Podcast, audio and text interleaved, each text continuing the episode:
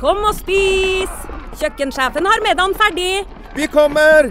Vi skal bare Åh, det er da så morsomt her på Stiklestad! Ja, men sjøl en god viking må ha både mat og hvile. Og dessuten kan dere nå være noen dager. Velkommen til Scandic Stiklestad. Moderne fasiliteter i historiske omgivelser. Det var her det skjedde. Det er her det skjer.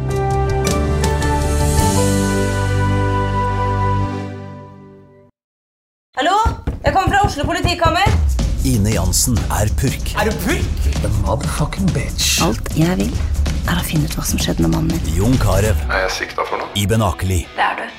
Ole So, Lars Berrum og Big Daddy Karsten. Hvem sin side er du på, egentlig? Anette Hoff, Tone Danielsen, Kommer du fra Afrika?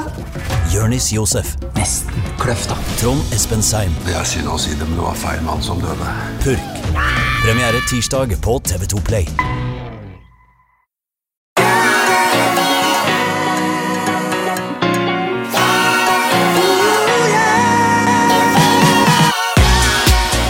Velkommen til ny episode av eh, Hjernesterke Ole Petter. Og takk og lov for at vi har sånne hyggelige lyttere som sender inn så mye flotte spørsmål. Eh, Og Ja, det det er masse å ta tak i. Ja, vi har det. Eh, Og det er vi veldig takknemlige for. Det gjør jo da jobben mye lettere for oss. For vi må jo innrømme at liksom når vi har spilt inn nå, vi spilte inn ganske mange episoder. nå kan vi snart feire ettårsjubileum. Jeg husker ikke helt når vi starta engang. Men det, ja, det var jo våren, var det ikke det? Jo, vi starta eh, Jeg husker ikke helt nøyaktig, heller, men det var sånn rimelig nøyaktig rundt dette tidspunktet i fjor. Vi var midt i, eh, i pandemien, i hvert fall, eller starten, eller det vi trodde var midten, kanskje mot slutten av pandemien, som jo selvfølgelig viste seg ikke være det. Nei. Nei, så, så det veldig, vi er veldig takknemlige for spørsmål. Uh, og det var ett spørsmål her som vi tente veldig på eh, akkurat nå. Um, og, og det er rett og slett et tema som vi da, eller et spørsmål som vi har, jeg har valgt å da kalle overskriften 'Mosjon er et ømtålig tema'. Eh, Et spennende spørsmål. Jeg kan jo begynne litt på det. Jeg skal ikke ta hele spørsmålet med en gang, for det er ganske langt, dette her. Eh, Men eh, her står det 'Takk for super podkast'. Siste episode var det snakk om at leger ikke nevner trening som noe pasienten kan gjøre selv. Og da kanskje fordi de er redd for å gi press på pasienten. Og så skal jeg bare ta litt til her. Jeg er lege i en liten kommune hvor jeg har nå i to måneder hatt pasienter som er langvarig sykemeldte. For det meste går de i smerter eller psykiske lidelser. Flere av de, unge, flere av de- er unge mennesker. Jeg som da, deres nye lege, har begynt å snakke om hva de kan gjøre av aktiviteter, og at nesten alle ganger så blir jeg møtt med irritasjon og sinne fra pasientene. Ole Petter, hvordan er det for deg? Ja? Du er, kaller deg for treningslegen. Er det mange pasienter som eh, har trøbbel med å se deg i øya, eller når du begynner å snakke om eh, mosjon og fysisk aktivitet? Og hvor, hvor, hvordan gjorde du det? Ja, du, altså, jeg har jo møtt, eh, møtt mye av det samme, jeg. Kanskje spesielt tidlig i min legekarriere, hvor jeg, eh, jeg har alltid vært opptatt av dette og prøvd å ta det opp med de aller fleste pasienter. Og jeg tenkte jo da som så at eh, vi leger vi er trent til å snakke med pasientene våre om absolutt alt, og det er jo litt av poenget også. Vi skal prøve å, å hjelpe pasientene uansett hva det måtte være av helseutfordringer, og vi eh, er trent til å kartlegge livene deres i, ned til minste detalj. Og ofte temaer som eh, kan være litt vanskelig å snakke om. Vi snakker om seksualitet, vi snakker om underliv, alkoholforbruk, røyking. Alt dette som mange nok anser som ganske private anliggender, det snakker vi leger om med aller største selvfølgelighet. Og, og jeg har aldri opplevd noen pasienter som stusser over at eh, vi spør om det. Eh, men det var litt annerledes da jeg begynte å snakke om fysisk aktivitet. Eller jeg begynte å snakke om trening. Og, og det jeg skjønte ganske fort, var jo at eh, ordlyden har en del å si.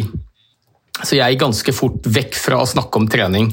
Eh, Litt unaturlig kanskje når jeg kalles treningslegen, men, men jeg begynte heller å snakke om bevegelse og fysisk aktivitet. Og da, da så jeg en helt annen holdning hos uh, pasientene. Så jeg har jo opplevd det, jeg også. Og faktisk nå i nyere tid, litt humoristisk historie. For jeg ble jo da kjent som treningslegen fordi eh, jeg og en kollega, eller to kollegaer, vi hadde en treningsgruppe hvor vi mosjonerte med pasientene i arbeidstiden. Og så kom jo det på NRK, og det ble mye mediedekning rundt det.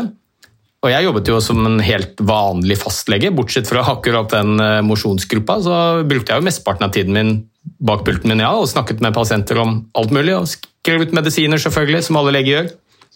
Så var det en dame som ringte, en litt eldre dame, og så sa hun det at eh, jeg har veldig lyst eh, til å bli eh, pasient ved legekontoret ditt. og Jeg vil gjerne at du skal være legen min, men jeg har lyst til å teste deg først.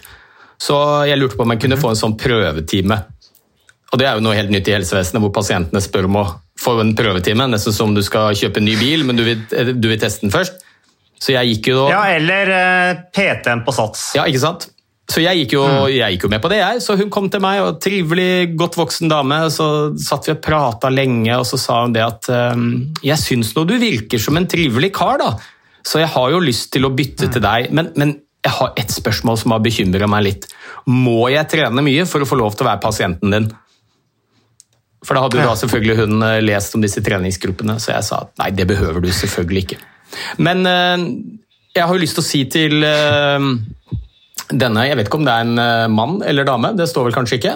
Det er en dame, men jeg, jeg, jeg, har, jeg har egentlig fått lov til å bruke navnet hennes. men Nå, se, nå har jeg ikke notert ned navnet hennes, men Hun hører på podkasten vår, så hun vet jo sikkert uh, at det er henne vi refererer til. Men dette her er i hvert fall en lege da, som har flyttet til et eller annet eh, sted tror jeg, og begynt som ny lege. og så er det vel noe med at du er ny kanskje i bygda òg, og kommer inn der som en kvinnelig lege. Jeg, vet, jeg tror det er det. Og så sier hun jo her at eller hun skriver her at jeg synes det er vanskelig å nevne dette, altså da snakker hun om mosjon, eh, med de samme pasientene, men jeg forsøker, eh, eh, forsøker nå hver gang, skriver hun.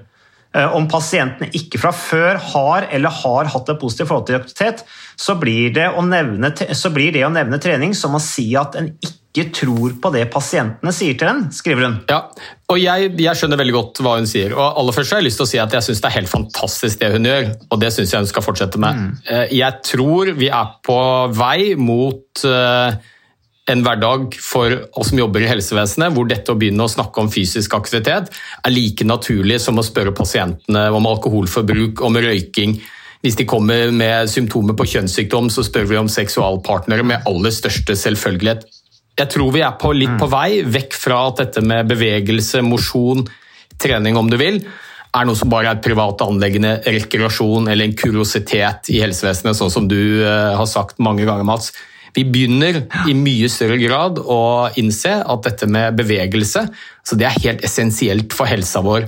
Og det er en av de aller beste medisinene vi har, både for å forebygge og behandle en rekke sykdommer som rammer oss nordmenn. Og hadde du spurt en pasient ikke sant? Her, har, her er det noen verktøy som er en av de beste vi har for å lindre plagene dine, forebygge sykdom. Selvfølgelig har pasientene lyst å høre om det. Og faktisk så er det gjort en del ganske gode studier på dette. Blant annet så ja, Nå var jeg litt ubeskjeden, for jeg har vært med på en av de studiene, men eh, vi syns jo selv det er en ganske god studie. da, hvor vi har Ja, Det gir jo deg litt kred da, å snakke om det, hvis du har vært med i ja, ja, vi har vært med i studien. Og det vi har gjort, er at vi har sett på um, pasienter som kommer til en helt vanlig travel um, allmennpraksis, fa- fastlegepraksis, og helt uavhengig av hva de kommer for, så har vi spurt dem om aktivitetsnivået deres. Mange, mange hundre pasienter. Og så har vi luket ut de pasientene som da har svart eh, at de beveger seg mindre enn 150 minutter i uka, som er myndighetenes anbefaling. De er da definert som inaktive. Og så har vi fulgt opp disse og stilt dem noen nye spørsmål, annet er du interessert i å, eller har du lyst til å bevege deg mer? Altså Har du et ønske om å være i mer regelmessig aktivitet? Og to, ønsker du at fastlegen din skal snakke med deg om dette? Og Der var det overveldende antall pasienter, vi snakker om over 80% tror jeg, som, som sa det at ja, jeg har lyst til å bevege meg mer, og jeg vil gjerne at fastlegen min skal snakke med meg om det.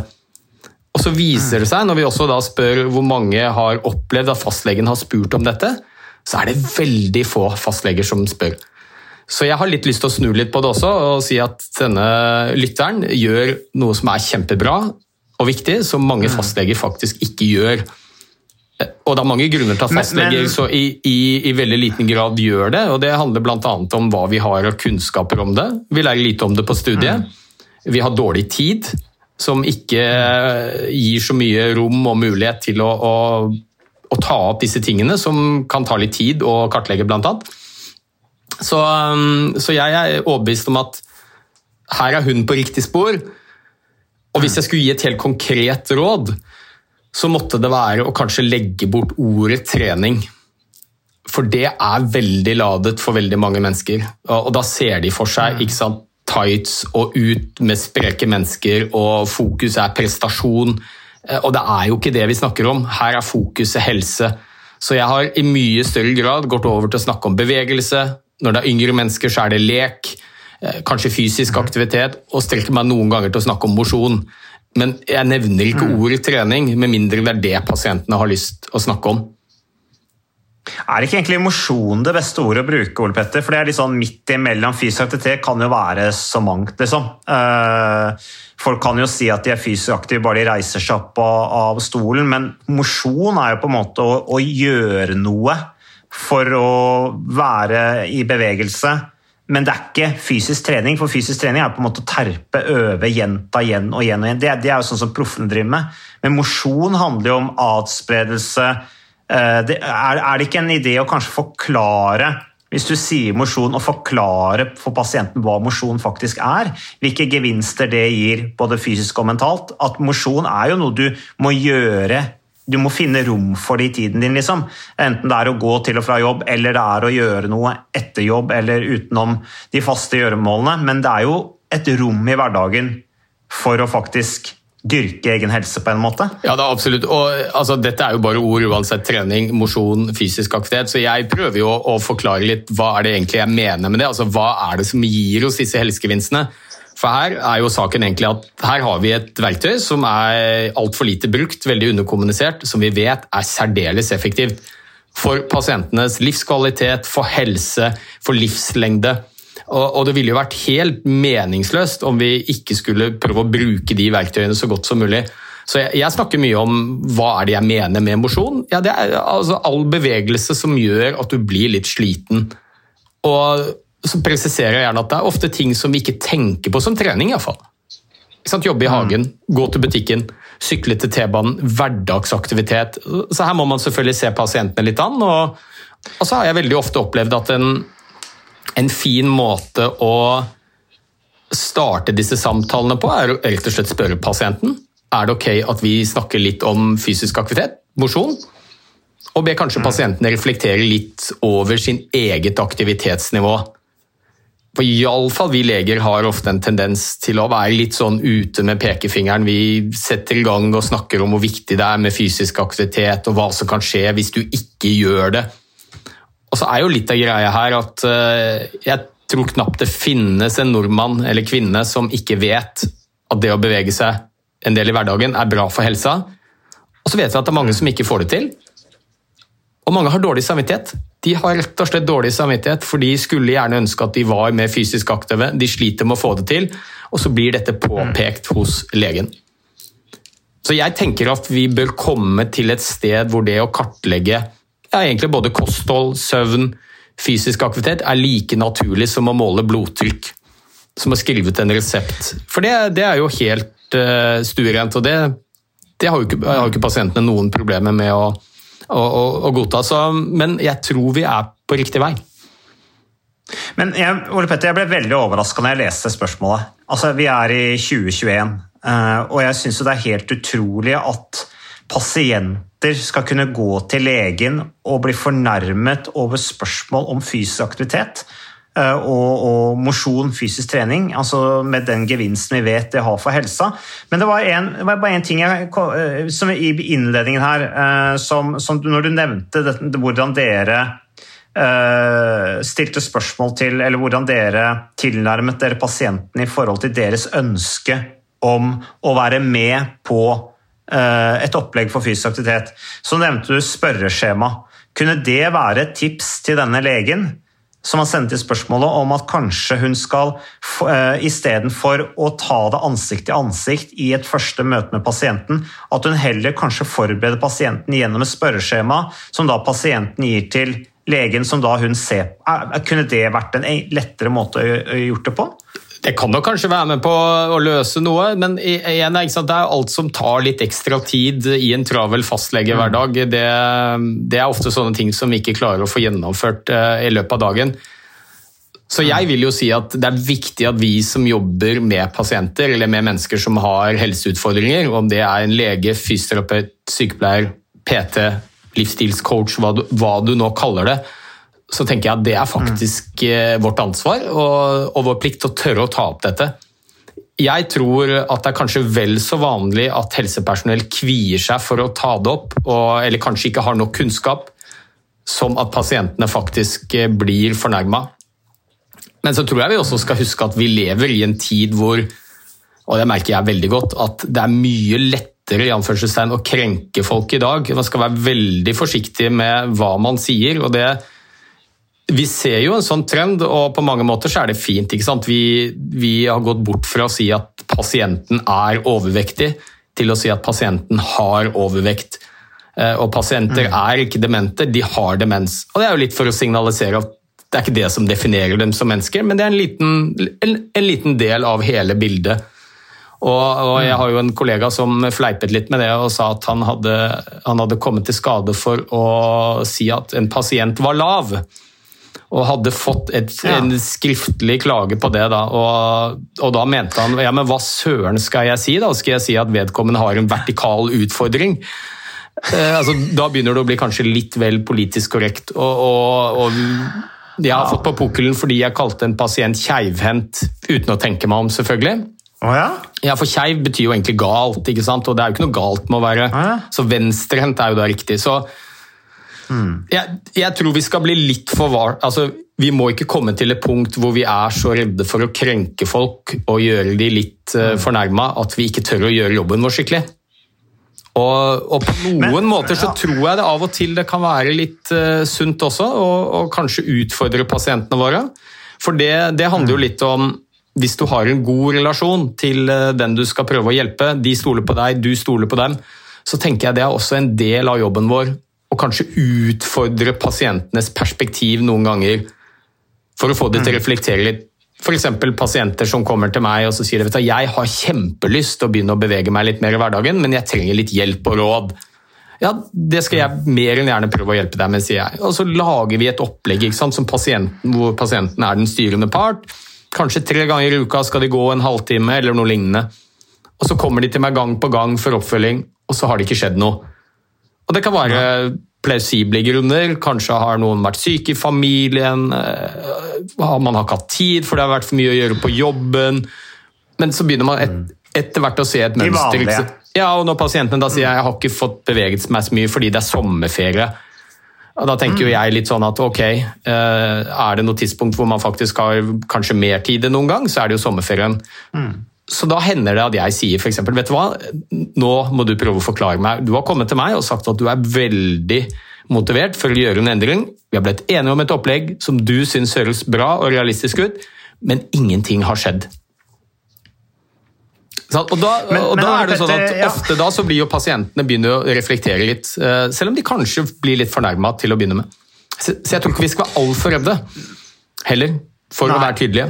Men, men altså, jeg syns det er litt interessant det du sier. Altså, mener, altså, skal en lege ture å snakke om fysisk aktivitet og mosjon til en pasient som da eh, i, i denne eventuelt en gitt situasjon vil ha åpenbart gevinst av å begynne å mosjonere, så mener jeg at da gjør jo ikke legen jobben sin, da. Hvis vedkommende ikke snakker om mosjon og fysisk aktivitet og hvilke muligheter som ligger i det.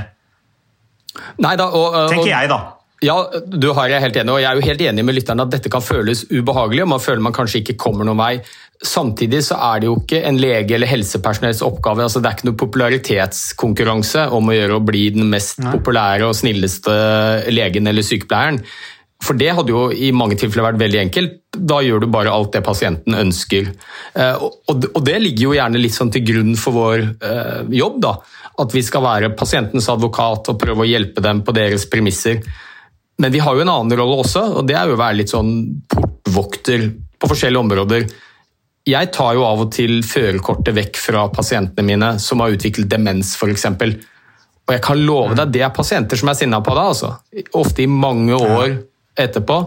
Det hender at jeg sier at jeg vil ikke skrive ut en sykemelding for det du kommer til meg med nå. fordi her mener jeg at Jeg skjønner at det er plagsomt det du har, men i mine øyne i hvert fall, så opplever jeg at det er fullt forenlig med, med, med, å fortsatt kunne jobbe. Eller vi sier nei til å skrive ut sterke smertestillende medisiner når det ikke er noe god medisinsk grunn til at vi skal gjøre det, f.eks. Så, så det gjelder jo også å balansere dette med å være pasientens advokat, høre på deres ønsker osv., men også noen ganger være litt tydelig og tøff. Det, jeg tenker det er jobben vår. Så, så, her mener jeg jo virkelig at dette er noe vi eh, ikke bare bør, men faktisk skal ta opp eh, med pasientene. Dette med aktivitetsnivå. Ja.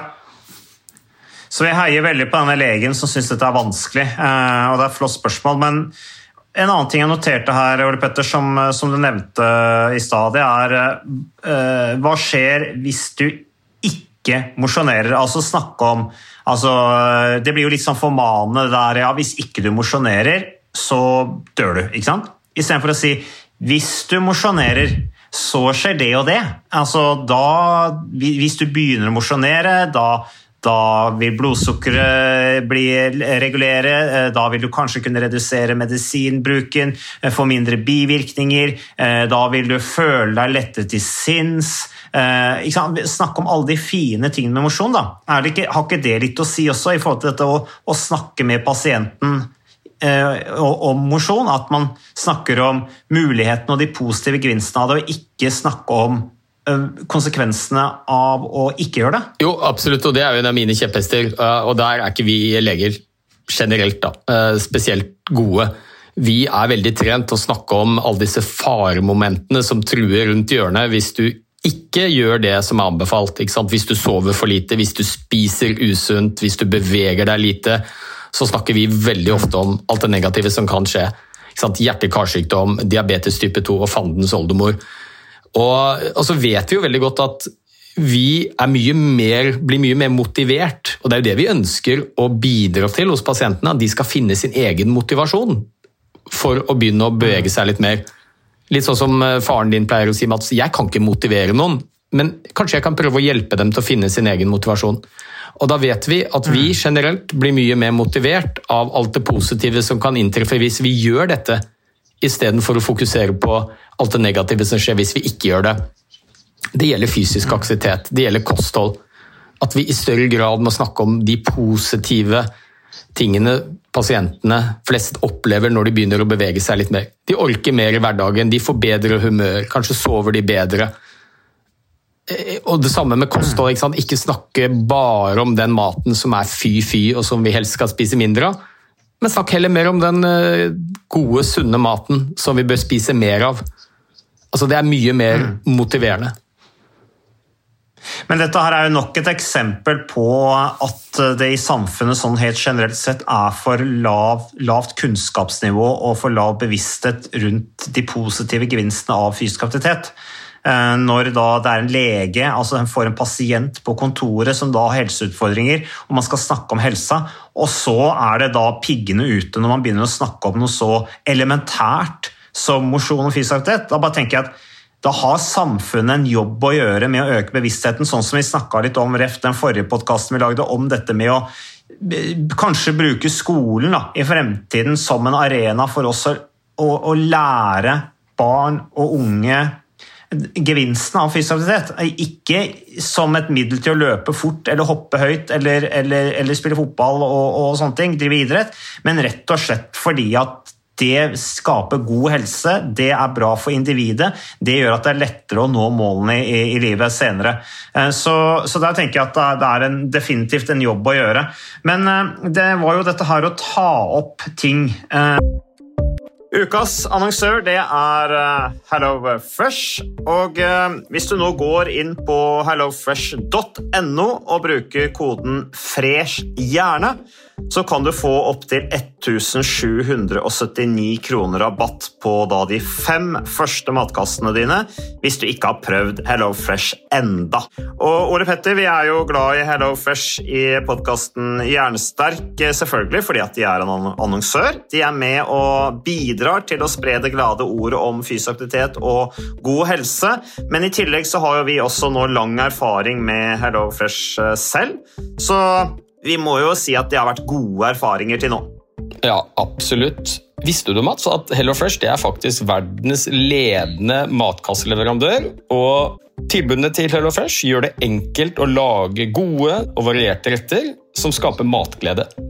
Og matglede vet du, det er like viktig som hva du putter i munnen. Det å spise mat med folk du trives med. Så gjennom 25 nye og inspirerende retter hver uke så bidrar HelloFresh til dette. Du kan bestille ekstra porsjoner om du får gjester, eller hoppe over uke hvis du f.eks. skal bort. Og Det er ingen bindingstid, og du velger leveringstidspunkt og dag selv, så leverer HelloFresh matkassen din akkurat når det passer deg. Ikke dårlig, Mats. Nei, det er veldig bra. Så, øh, og dette er med enklere hverdag, det kan jeg nå skrive under på. For nå, forrige erfaring vi hadde forrige uke, Ole Petter, det syns jeg var Det var jo et gjennombrudd øh, for familien Kaggestad. For da lagde rett og slett barna De lagde middag og serverte middagen, så den var ferdig laget og servert da når eh, min kone Marita og meg kom hjem fra jobb. Og jeg mener Det var jo bare helt utrolig. Eh, Det var helt fantastisk. Det ble en nydelig middag. Riktignok de, de, de, de roter og søler litt, det gjør de. Så, men, men maten ble veldig god. De var veldig stolte over å kunne å ha både laget og servert maten, så det var helt fantastisk. Så vi har jo da i det siste så har vi eh, spist eh, bl.a. sitron- og dillstekt hyse med ovnsbakte grønnsaker og aioli. Eh, Vi har spist middelhavsinspirert kylling. Taco, så finnes det mange ulike typer taco. F.eks. vietnamesisk taco, som vi har spist. Thailandsk vegetargryte. Veldig riktig og sunt eh, i dagens eh, samfunn med, med fokus på bærekraft. Hvitløk og chilistekte reker i spagetti, det var definitivt en vinner. Så det er så flott. Du får rimelig mat ved at du kun betaler for det du trenger, så det blir ordentlig feststemning med Hello Fresh. Det gjør det, og nå er det bare for deg å gå inn på hellofresh.no og bruk koden FRESH gjerne. Da får du opptil 1779 kroner rabatt på de første fem matkassene dine, hvis du ikke allerede har prøvd HelloFresh. Du kan også bruke rabattkoden hvis du har stoppet abonnementet ditt for tolv måneder siden eller mer. Er det noe å lure på? Håper maten smaker godt. Bon appétit!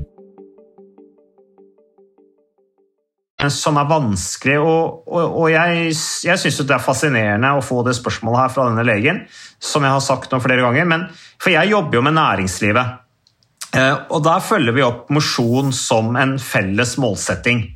Eh, og da tenker jeg liksom, og, og målet mitt og du er jo også en del av det nå, Ole Petter, for vi jobber jo sammen. Men målet er jo da å skape en arbeidsplass hvor de ansatte snakker om mosjon. Og gir hverandre råd og innspill, deler erfaringer, skaper kollegial oppfølging, heier på hverandre, motiverer hverandre, har ledere som tar opp mosjon som en del av helheten for å bygge en bedriftskultur hvor man blir stimulert. Da tenker Jeg jeg har jo holdt på med dette her siden det opplegget jeg snakker om nå, siden 2006, og jeg har opplevd én gang at jeg har fått en negativ tilbakemelding. og Det var fordi at jeg brukte da ordet diabetes som en samlebetegnelse i stedet for at jeg sa diabetes 2.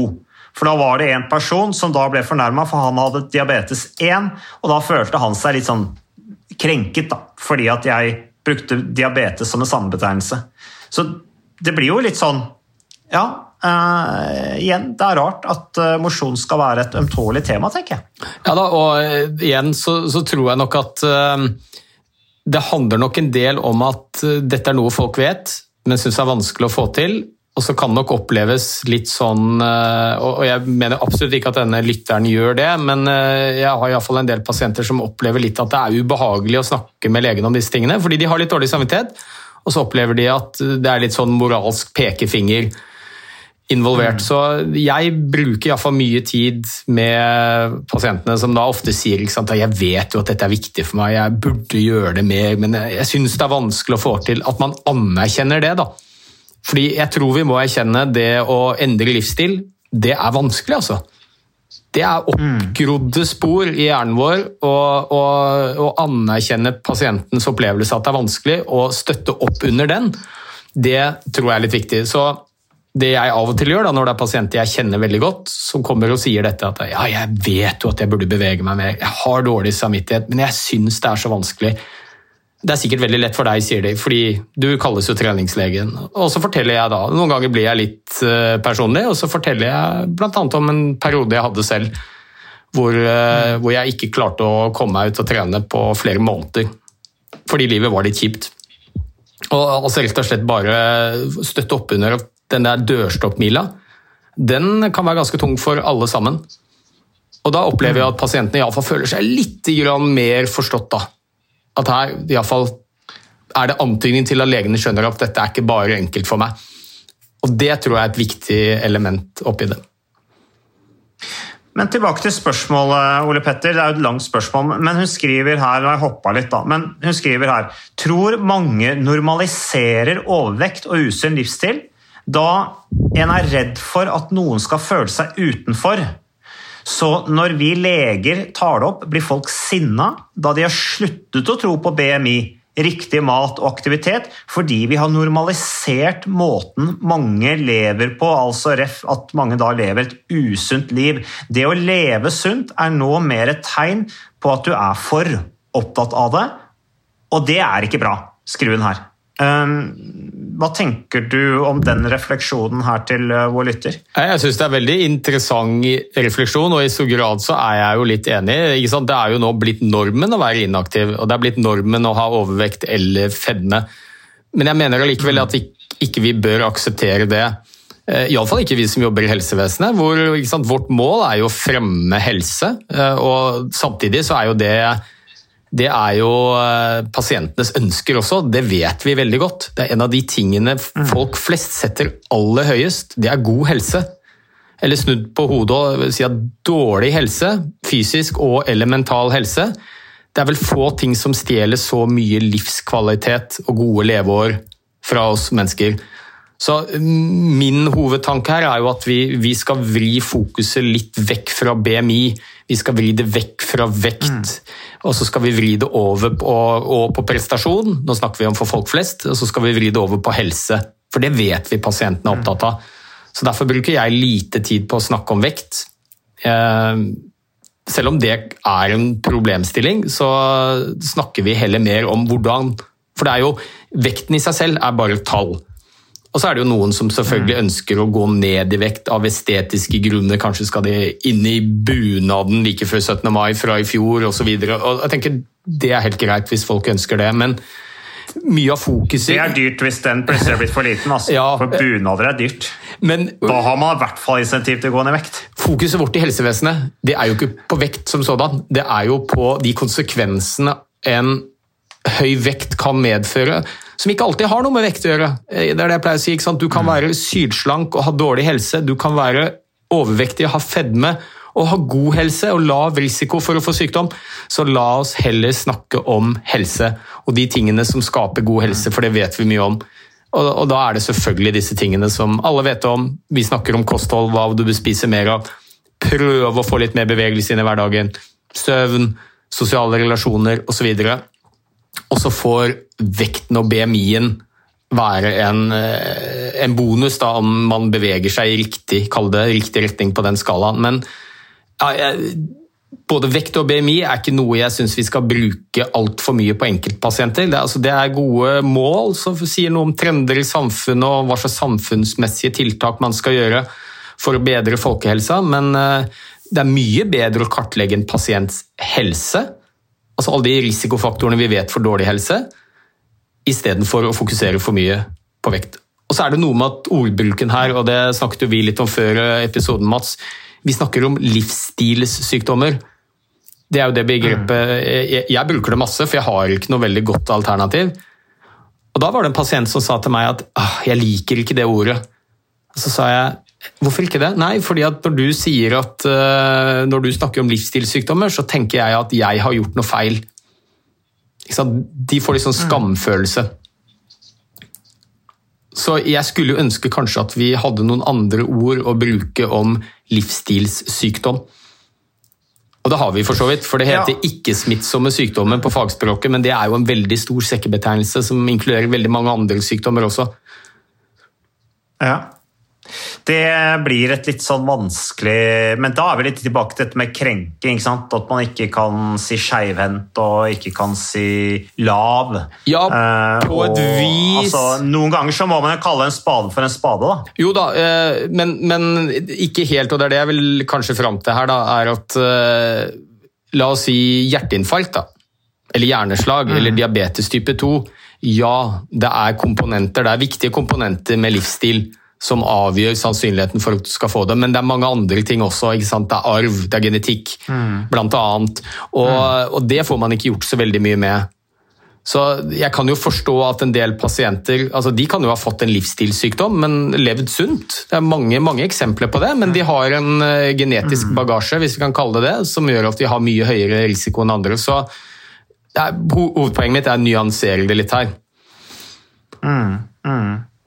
Ja, nei, Det får vi kanskje tenke litt på, Ole Petter. Hvilke ord man eventuelt kan bruke i stedet for livsstilssykdom. Men det er klart at det er komplisert å være lege. Jeg skjønner jo det med det spørsmålet som kommer her fra vår kjære lytter, og som du også sier her nå, Ole Petter, at du, du skal jo være litt motivator òg, når du sitter der med en person du kanskje aldri har møtt før, og så skal du plutselig ta opp dette her, så er det jo ganske viktig hvordan vinklingen er eh, på samtalen for å få komme til målet da, eh, og, og, og få det resultatet av samtalen som du kanskje ønsker når du har litt begrenset tid. Så er det krevende, det skjønner jeg. Ja, og altså, Vinklingen er liksom alfa og omega her. da, ikke sant? Og du, du kan jo, eh, Jeg har hørt mange pasienter jeg, som, som kommer inn og er synlige, har kraftig overvekt, sykelig fedme, og hvor mitt legehode automatisk begynner å tenke at eh, sant, her er det en person som har en så høy vekt at det, det går på helsa løs. Og da er det jo veldig fort gjort å begynne å snakke om det ganske umiddelbart og si at vet du hva, den, den vekten din er en viktig risikofaktor for at du skal utvikle sykdom senere i livet. Og, og, og det du ofte opplever da, hvis pasienten ikke har kommet inn selv og sagt at vet du hva, jeg har en vekt som er altfor høy, jeg ønsker å gjøre noe med den for helsas skyld, så kommer ofte piggene ut. Det er helt naturlig. Men det går an å vinkle det på en litt annen måte. Jeg hadde en pasient som kommer med sterke smerter i knærne som tegn til kneleddsartrose, og, og hadde en BMI på, på over 40. Sant? Og da er det jo nærliggende å tenke seg at den økte vekten gir mye slitasje i kneleddet, og det er fort gjort at vi kjører av gårde på det, og jeg sier at vet du hva, det er vekten din som er årsaken til, til knesmertene dine. Og som jeg sa i en tidligere episode, så kan en annen vinkling da være, som jeg kanskje i større grad har begynt å bruke, det er jo å spørre pasienten hva tenker du kan være årsaken til kneplagene dine? Og det du ofte får da, er jo at pasienten begynner å reflektere litt. Ja, jeg, jeg, det har nok kanskje noe med vekten min å gjøre. Så, og da er det jo uendelig mye mer verdifullt at pasienten har tatt det opp selv, enn at jeg påpeker det. Altså, sånn er jo vi mennesker. Eh, en idé er mye Egen utsagn forplikter. ja, og selvfølgelig. Og, og sier ikke pasienten noe, så kan jo jeg kanskje gå litt videre og si at tenker du at vekten din har noe å si for eh, kneplagene dine? Altså, så vinklingen og hvordan vi kommuniserer med pasientene, altså det er det aller viktigste verktøyet vi har hvis vi skal klare å hjelpe dem til å finne motivasjon til å gjøre endring i egne liv. At vi ikke bare skal påpeke at det de, den tilstanden de har er farlig og alle de sykdommene de kan få, men eh, ja, bruke litt tid på å bli kjent med dem, bygge gode relasjoner, anerkjenne deres ståsted, og sammen prøve å finne en løsning. Men eh, Ole Petter, eh, det er vel kanskje ikke noe dere har i legestudio, akkurat det der, den der altså, motivasjonssamtalen? Altså, altså akkurat det vi har snakka om nå, det er, et, det, er et, eh, det er vel ikke et kapittel i legestudiet, det? Er det det? Ja, Det er nok det er- mye mer av det nå enn da jeg studerte. Dette er jo et av de, de kaller det de myke fagene i, legeutdanningen, som er kanskje, om ikke det viktigste, så iallfall et av det viktigste, dette med kommunikasjon. Og, og det vet vi jo veldig godt, at spør du pasienter hva som i deres øyne er en god lege, så handler det jo veldig ofte om disse tingene. Liksom. Føle seg sett, anerkjent, god kommunikasjon. Eh, Og så er det selvfølgelig viktig å være faglig dyktig, eh, det er jo ikke noe tvil om. Men det er en veldig sånn skjevfordeling i hvordan disse fagene vektes på legestudiet. Mye mer av disse harde naturvitenskapelige fagene med anatomi og fysiologi og sykdomslære og kirurgi og hvordan du skal reparere skader. Og så er det litt undervurdert dette med de eh, myke fagene, bl.a. kommunikasjon. Men det er mye bedre enn det var. Heldigvis. Eh, hun avslutter her, Vi skal snart gi oss, vi også, Ole Petter, men eh, hun avslutter her eh, innsenderen, altså lytteren vår da, med å skrive at å få barn til å være mer aktive og forstå at det er bra å være fysisk aktiv, tror jeg er den beste måten å gjøre det på. Det er vanskeligere å snu en som har blitt fortalt i 25-30 år at trening, skråstrek, sunn livsstil er bare noe legen sier og at lege kun leter etter livsstilssykdommer i folk som er store, inaktive, og det er derfor en, en finner sykdommene. Og derfor sier leger at det er en risiko. Ble mye her, skriver hun, men utrolig interessant uh, hvordan folk ser på dette med livsstil. Så det var et uh, bra spørsmål, Petter, og nå har vi jo snakket om dette her en stund, men uh, det er litt morsomt å få litt nye vinklinger på ting, syns jeg. Ja, og, og, Dette er veldig godt poeng, og det er jo noe jeg brenner veldig for. Dette med å, å, å få inn disse livsstilsvanene som er helt naturlig eh, for barn, bl.a. Dette med mye aktivitet. Få det inn eh, så tidlig som mulig. Skole, barnehage. Vi vet at de mm. som er aktive, eller får lov til å være aktive, for dette er jo helt naturlig for barn, hvis de får lov til å utfolde seg på skolen f.eks., så vet vi at det er mye større sannsynlighet for at den ønske om bevegelse eller kall det mosjon, det kommer til å forfølge dem resten av livet. Og det er selvfølgelig bra. Du, Ole, Ole Petter, da er jeg tilbake på en ting her. Eh, du hadde akkurat eh, Du kalte verdens største gymtime. Ja, eh, det var litt voldsomt. Men, Vi kalte det Norges største ja, gymtime. Men det var jo litt gøy òg, da. Ja, Norges største gymtime. Jeg kaller det verdens største, men det var altså Norges største gymtime. Hvordan gikk det?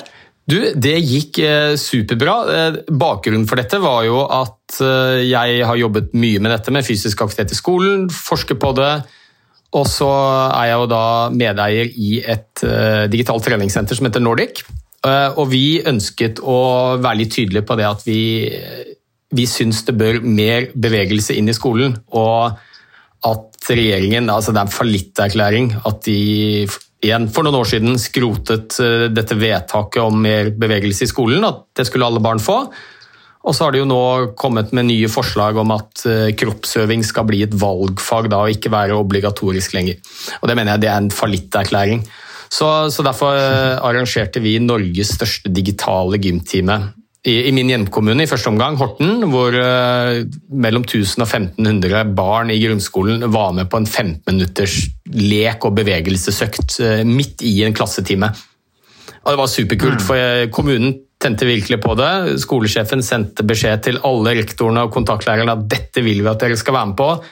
Det var ja, som sagt 1500 superfornøyde, glade barn og det var, var, litt sånn symbolsk i det også. Barna sitter jo mye på en, en eh, stol hele dagen og, og, jobber. Så vi tenkte nå skal vi bruke den stolen til noe annet. Vi skal bruke den til fysisk aktivitet. Så alle øvelsene var sentrert rundt stolen. da. Gå opp og ned, okay. holde i den, gjøre knebøy, litt sånn forskjellige ting. Så det var, det var kjempegøy. Så bra, Olbetter. Nei, men Kjempegøy, det. Altså, så eh, det passer jo Det var en sak i Dagens Næringsliv i dag også om uh, dette med, med fysisk aktivitet og, og covid-19 også. Så eh, det er godt at eh, det fremdeles er på agendaen. Du Mats, nå er vi så godt i gang. Eh, kunne vi tatt ett lesespørsmål til? Ja, ja, det er greit. Ja. Jeg hadde egentlig tenkt å avslutte nå, men hvis du er ivrig, så Ja, du, Jeg er skikkelig Jeg føler meg litt sånn på hugget her, så hvis jeg får lov til å lese opp det spørsmålet, for det syns jeg var ganske interessant også. Det er fra en lytter som skriver Hei, elsker å høre deres engasjement angående fysisk aktivitet og forskjellige sykdommer, situasjoner osv. Er selv etter å ha hørt deres podkast blitt enda mer interessert over hvordan fysisk aktivitet kan brukes i helsevesenet. Parentes sykevesenet.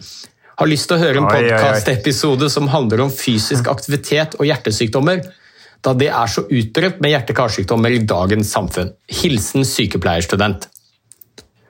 Mm. Og der har jeg lyst til å si noe, hvis jeg får lov til det, Mats. Det bare fyr løs, Petter. Altså, hjerte- og karsykdommer og fysisk aktivitet, det hører, det, det, der er det jo mye å ta tak i. Ja. Eh, hjerteinfarkt det er jo en klassisk hjerte-karsykdom. Det er den vanligste dødsårsaken i Norge. Hvert 40. minutt så er det en nordmann eller kvinne som får et hjerteinfarkt. Heldigvis overlever de fleste, men det er fortsatt den vanligste dødsårsaken i Norge. Og det som er litt interessant, syns jeg, da, er at hvis vi spoler en del tiår tilbake.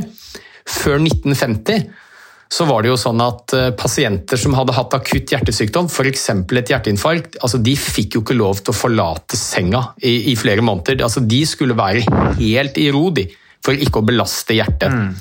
Og Så kom vi til 1950, og da var det noen som antydet, basert på noe forskning, at pasienten kunne faktisk få lov til å sitte opp i en stol noen uker etter hjerteinfarktet. Og Da var det en del som tenkte det der er jo skummelt. Skal de sitte i en stol? Hvordan skal det gå med hjertet? Og så viste det seg at det, Fordi at det var så belastende? ja, altså Hele tankegangen var at her har du et hjerte som er sykt, det må for guds skyld beskyttes. Så da må du gjøre minst mulig. Så pasientene var jo dønn i ro. Så fikk de lov å reise seg litt. Det var i 1950 eller 1951. Og så viste det seg at det gikk jo kjempebra. Eh, Det gikk jo bedre med de som fikk lov til å reise seg fra sengeliggende og sitte i en stol. Og så kom vi til slutten av 1950-tallet, så ble det faktisk sånn at eh, den liggingen den skulle opphøre helt, og man kunne begynne å bevege seg litt sånn naturlig som man gjør i hverdagen. Og så, altså i veldig veldig mange år da, så har det vært mantra at eh, et sykt hjerte det skal hvile. Og I dag så har vi jo kommet kjempelangt. I dag så vet vi jo at noe av det verste du kan gjøre for et sykt hjerte, det er jo å la det hvile. Det beste du kan gjøre, er å få det til å jobbe og styrke det. Så I dag har vi jo kommet til det punktet hvor det nå for første gang er blitt en del av de nasjonale anbefalingene for oppfølging av hjertepasienter. Dvs. Si de som har hatt f.eks. et hjerteinfarkt. Så skal jo de settes i gang med bevegelse og fysisk aktivitet så raskt som mulig. Og her snakker vi selvfølgelig ikke akkurat i dagene etter et hjerteinfarkt. Da er det viktig at eh, sårtilheling og sånn i hjertemuskelen skal få lov til å gå sin gang. Men med en gang de er stabile og, og føler seg bra, og da snakker vi om ikke veldig mange dager, så settes de i gang med strukturerte treningsopplegg. Og, og det er til å begynne med enkle gåturer og sånne ting under veiledning. Men etter to uker så er det faktisk anbefalt i disse nasjonale retningslinjene at disse pasientene de, de, de skal trene, faktisk. Og, og, her snakker vi ikke, og her snakker vi om intervalltrening. Fordi det viser seg at ikke bare er beve all bevegelse er bra når du har hatt et hjerteinfarkt, men den aller beste effekten det får jo de som trener hardt. Så de kjører jo intervaller 4 ganger 4, 45, 15, ut fra sitt eh, fysiske formnivå, selvfølgelig. Men det viser seg at det er det absolutt beste verktøyet vi har, trening, for å forebygge nye hjerteinfarkter.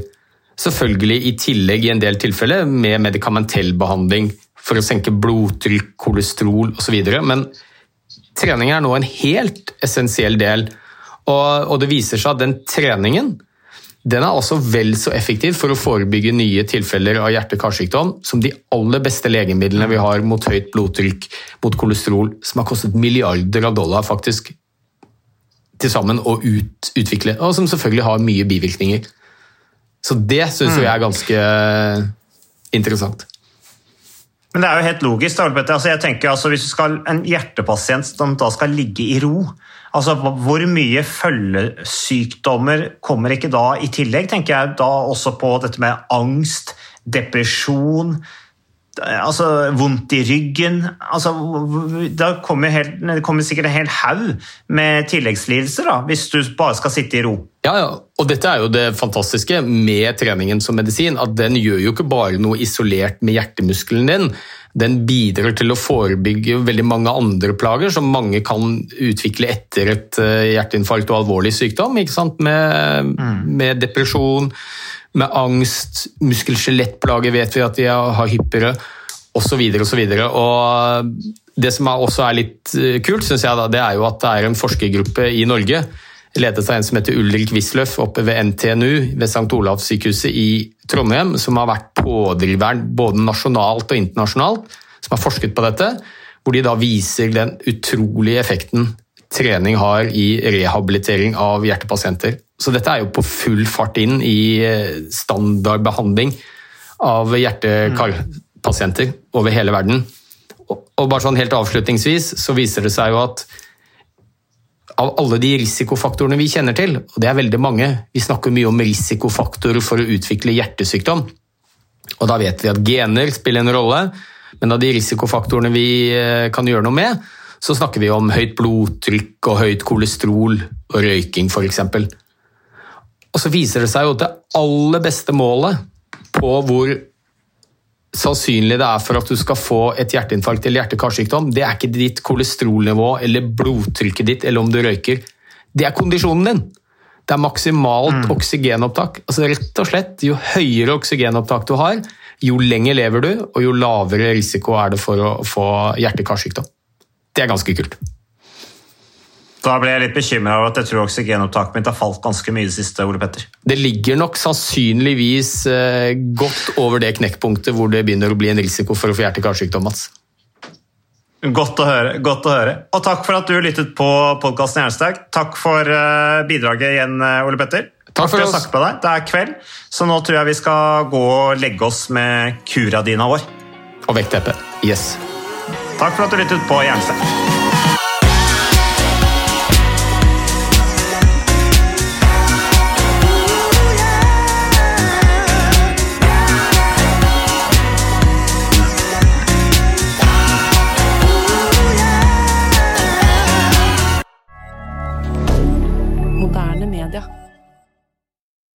Har du et enkeltpersonforetak eller en liten bedrift? Da er du sikkert lei av å høre meg snakke om hvor enkelt det er med kvitteringer og bilag i fiken, så vi eh, gir oss her, vi.